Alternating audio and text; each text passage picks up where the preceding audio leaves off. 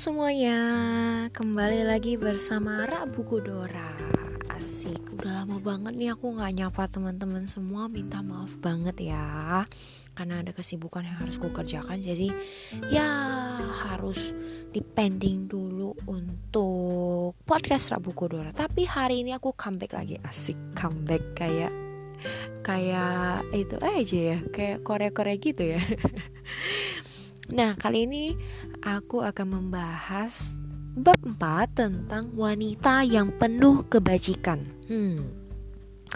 Ada satu quotes nih untuk membuka topik kita pada malam hari ini.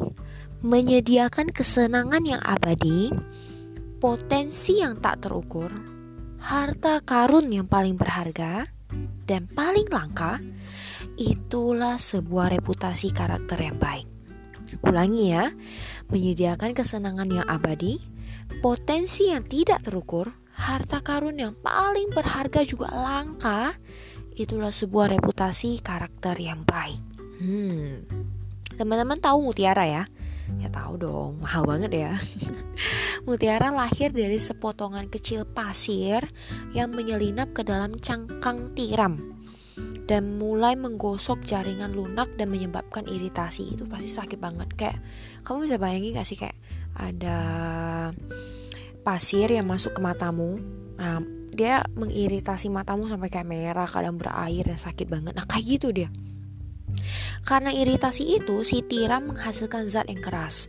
Akhirnya zat keras ini berkembang jadi perhiasan paling mahal di dunia. Makin besar iritasi, makin berharga mutiara itu. Hmm. Kita mau masuk ke dalam pembahasan kita tentang root lagi. Iritasi yang root alami apa? Satu, kehilangan suami di usia muda, mertua dan juga iparnya mati. Lalu, uh, apa? Sebutannya apa sih kayak sesama menantu gitu loh. aku nggak nggak tahu sebutannya apa. Orpa jadi kan dia sama-sama menantu ya. Orpa itu kembali ke daerahnya. Jadi Truth sendiri dengan Naomi pergi ke tempat yang asing pula. Kurang apa coba? Ruth itu masih muda loh. Kalau misalnya kalau uh, di zaman sekarang ini ya ngapain sih aku tinggalin tempatku pergi ke tempat asing pula lalu aku harus tanggung hidup mertuaku dan segala macam. Pasti kita mikir-mikir ya. Tapi lihat yang root alami ini. Banyak wanita memandang diri sebagai kulit tiram buruk rupa. Kulit tiram buruk rupa di tengah pantai kehidupan. Masalah rasanya datangnya silih berganti karena kayak masih single. Hello Dan parahnya lagi, mereka membandingkan eksterior mereka dengan kerang indah lainnya dan mulai mempertanyakan kemungkinan bertemu dengan pria idaman. Jadi kayak, aduh dia bagus banget ya, rambutnya kayak bagus banget, matanya kok bagus banget sih, kulitnya bagus banget, kinclong banget. Aduh kok aku kayak jelek banget ya, kok rambutku kayak gini banget ya. Aduh aku bisa dapat pasangan gak sih? Aku tuh maunya kayak gini kayak, hai, ayolah. Kalau kamu salah satu dari perempuan yang begitu, ayo kamu nggak sendiri kok.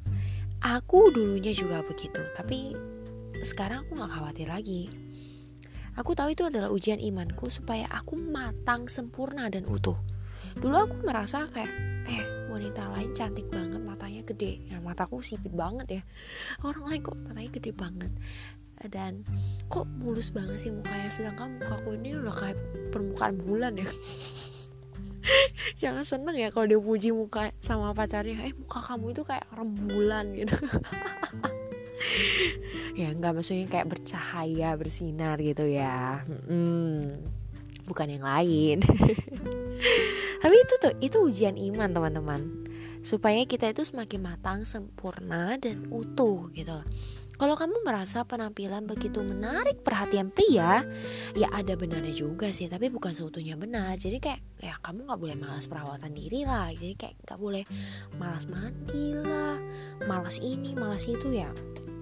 Gimana sih kamu masa rawat diri sendiri aja malas kamu gimana mau rawat anak mertua? Mau rawat anakmu nanti bagaimana? Nah, itu kan harus jadi poin untuk pertimbangan kita gitu itu nggak kekal loh teman-teman. Itu bukan satu hal utama. Kayak penampilan fisik itu bukan satu hal utama. Boleh iya boleh juga tidak ya. Tapi jangan malas ya tadi aku bilang itu. Tapi itu bukan satu hal utama. Bukan jadi patokan tek aku harus cantik supaya dapat suami yang ganteng yang melintir tajir melintir. No itu nggak kekal Bagaimana rupamu di bagian dalam itu jauh lebih penting daripada bagian mana rupamu di luar. Rupah lagi. Bagaimana rupamu di dalam jauh lebih penting daripada bagaimana rupamu di luar. Ingat ya. Hal menarik yang kita pelajari dari Ruth apa? Kebajikan dan karakternya. Cara Ruth menjalani kehidupan dan menghormati juga mengandalkan Tuhan. Itu yang mau kita pelajari. Tuhan itu mau kita itu jadi mutiara yang indah, mahal untuk dikagumi.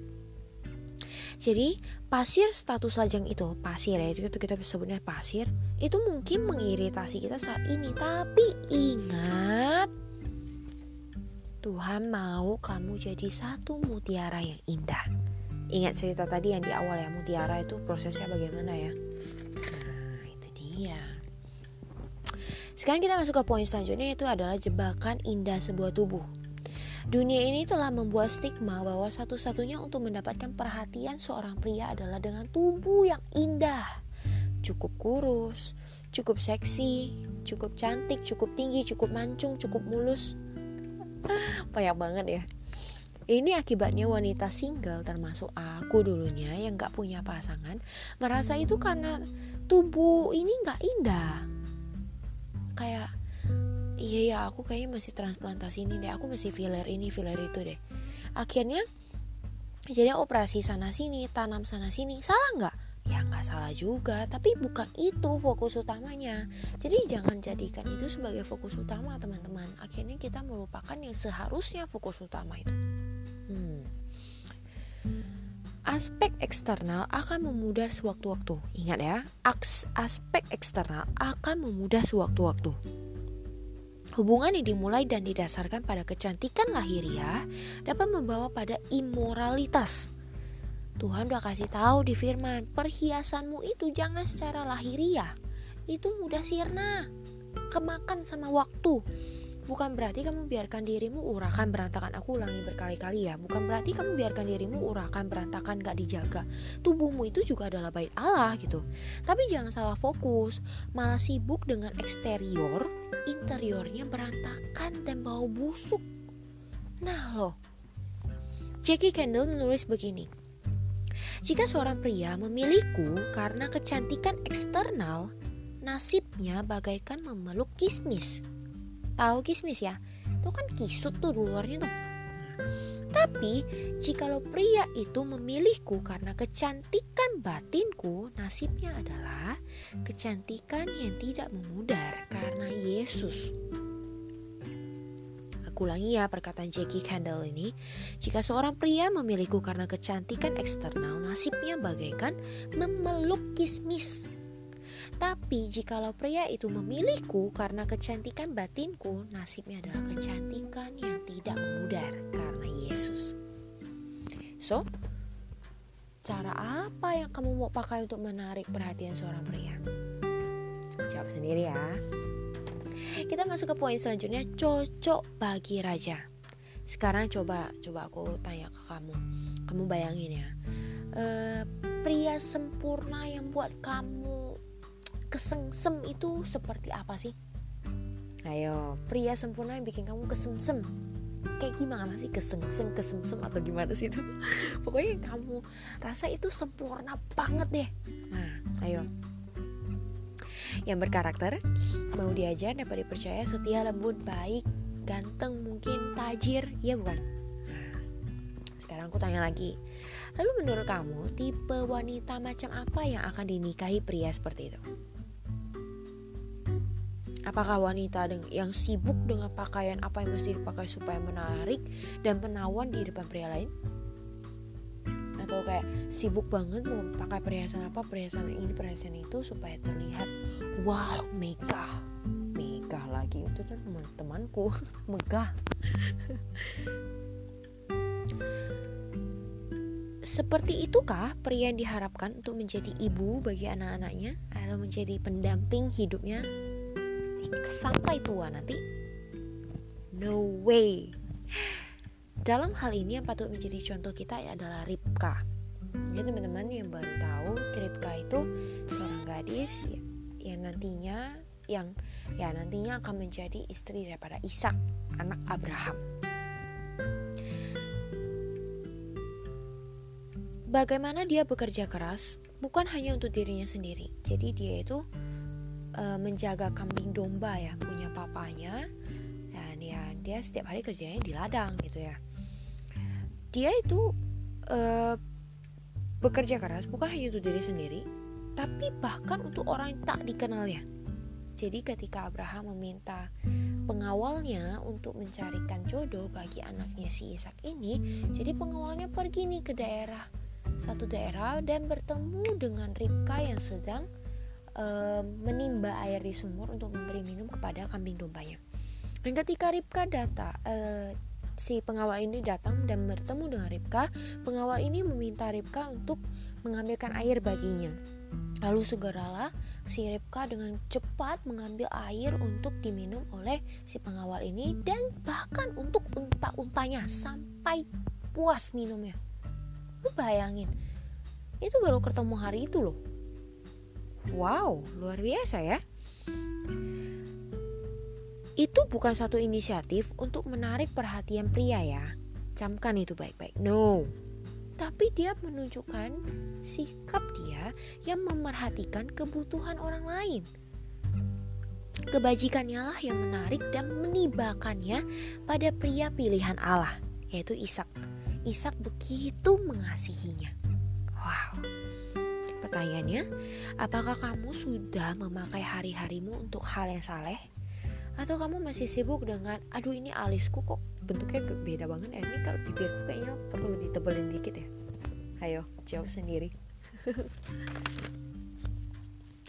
Allah mau agar setiap pria dan juga wanita mengembangkan kehidupan batiniah mereka agar ketika keindahan secara lahiriah pudar, kasih mereka tetap makin dalam, makin dalam dan semakin dalam dan bertumbuh.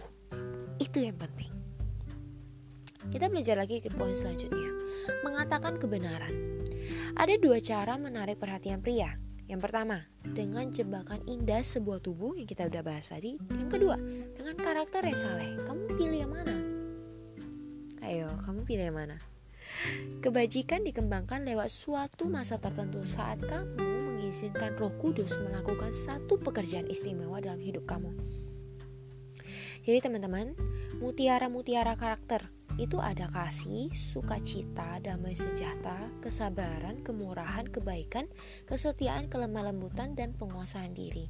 Itulah yang harus jadi perhiasan kita yang murni, bukan perhiasan-perhiasan di toko emas.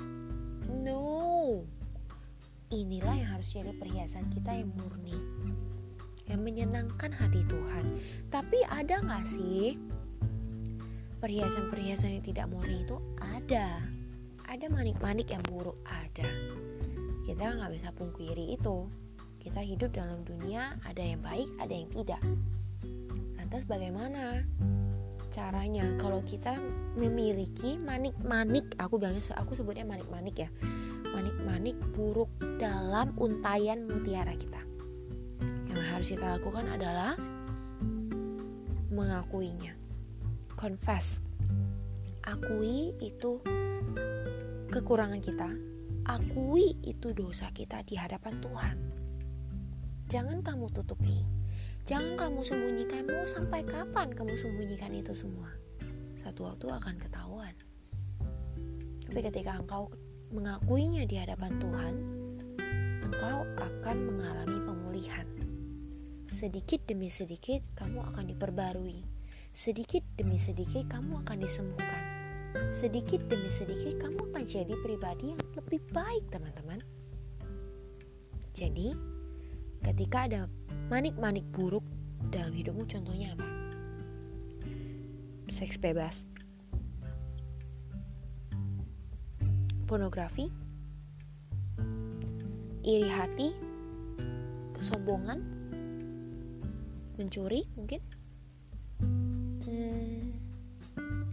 bersaksi dusta atau fitnah dan apa pun itu yang tidak baik yang menimbulkan perselisihan yang menimbulkan hal-hal yang merugikan banyak orang dan mendukakan hati Tuhan akui itu di hadapan Tuhan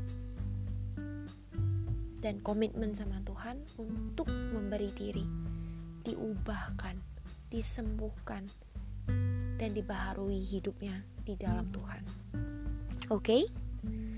Caranya untuk memperoleh mutiara-mutiara itu apa sih? Sekarang kita masuk ke itu ya. Jalani hidup yang menyenangkan Tuhan pertama. Dua, kerjakanlah perintah roh Allah melalui hidupmu setiap waktu. Misalnya, kamu melihat sesuatu hal yang sepertinya harus kamu kerjakan, tapi kamu menolak, oh nggak mau itu biar orang lain aja. No, ketika kamu bisa kerjakan, kerjakanlah. Jangan tunda. Yang terakhir, meminta Roh Kudus yang memimpin hidupmu seutuhnya. Hidupmu bukan lagi kamu yang hidup sendiri, tapi Yesus Kristus yang hidup di dalam kamu. So, hidupmu bertanggung jawab langsung kepada Kristus yang menciptakan kamu. Roh Allah menghasilkan kecantikan batinia yang sejati. Saat kamu mengakui dosa, menghindari hal-hal yang tidak menyenangkan Allah, menaati petunjuk, petunjuknya, dan menyerahkan kendali hidupmu sepenuhnya pada Allah. Itulah proses bagaimana roh Allah menghasilkan kecantikan batiniah yang sejati dalam hidup kamu. Aku ulangi ya.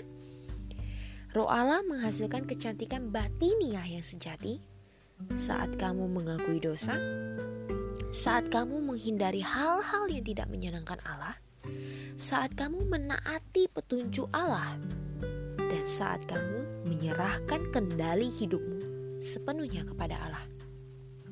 Jadi, kamu mau mutiara murni dan sejati, imitasi dan palsu? Renungkan bersama ya teman-teman. Sekian pembahasan kita di topik bab 4 tentang wanita yang kebajikan, wanita yang penuh dengan kebajikan. Sampai jumpa lagi di bab kelima, topiknya apa? rahasia. Nanti dong di bab kelima ya. Mohon maaf apabila ada salah-salah kata dari aku Aldora yang menyinggung hati kamu yang membuat kamu kayak apa sih ini Dora ngomong kayak gitu? Kamu kesel kamu sakit hati. Aku dengan tulus hati minta maaf ya. Kamu belajar aku juga. Semoga kita selalu bertumbuh melalui podcast ini aku harap ini boleh jadi berkat buat kamu Sampai jumpa, sehat selalu ya. Tuhan Yesus memberkati.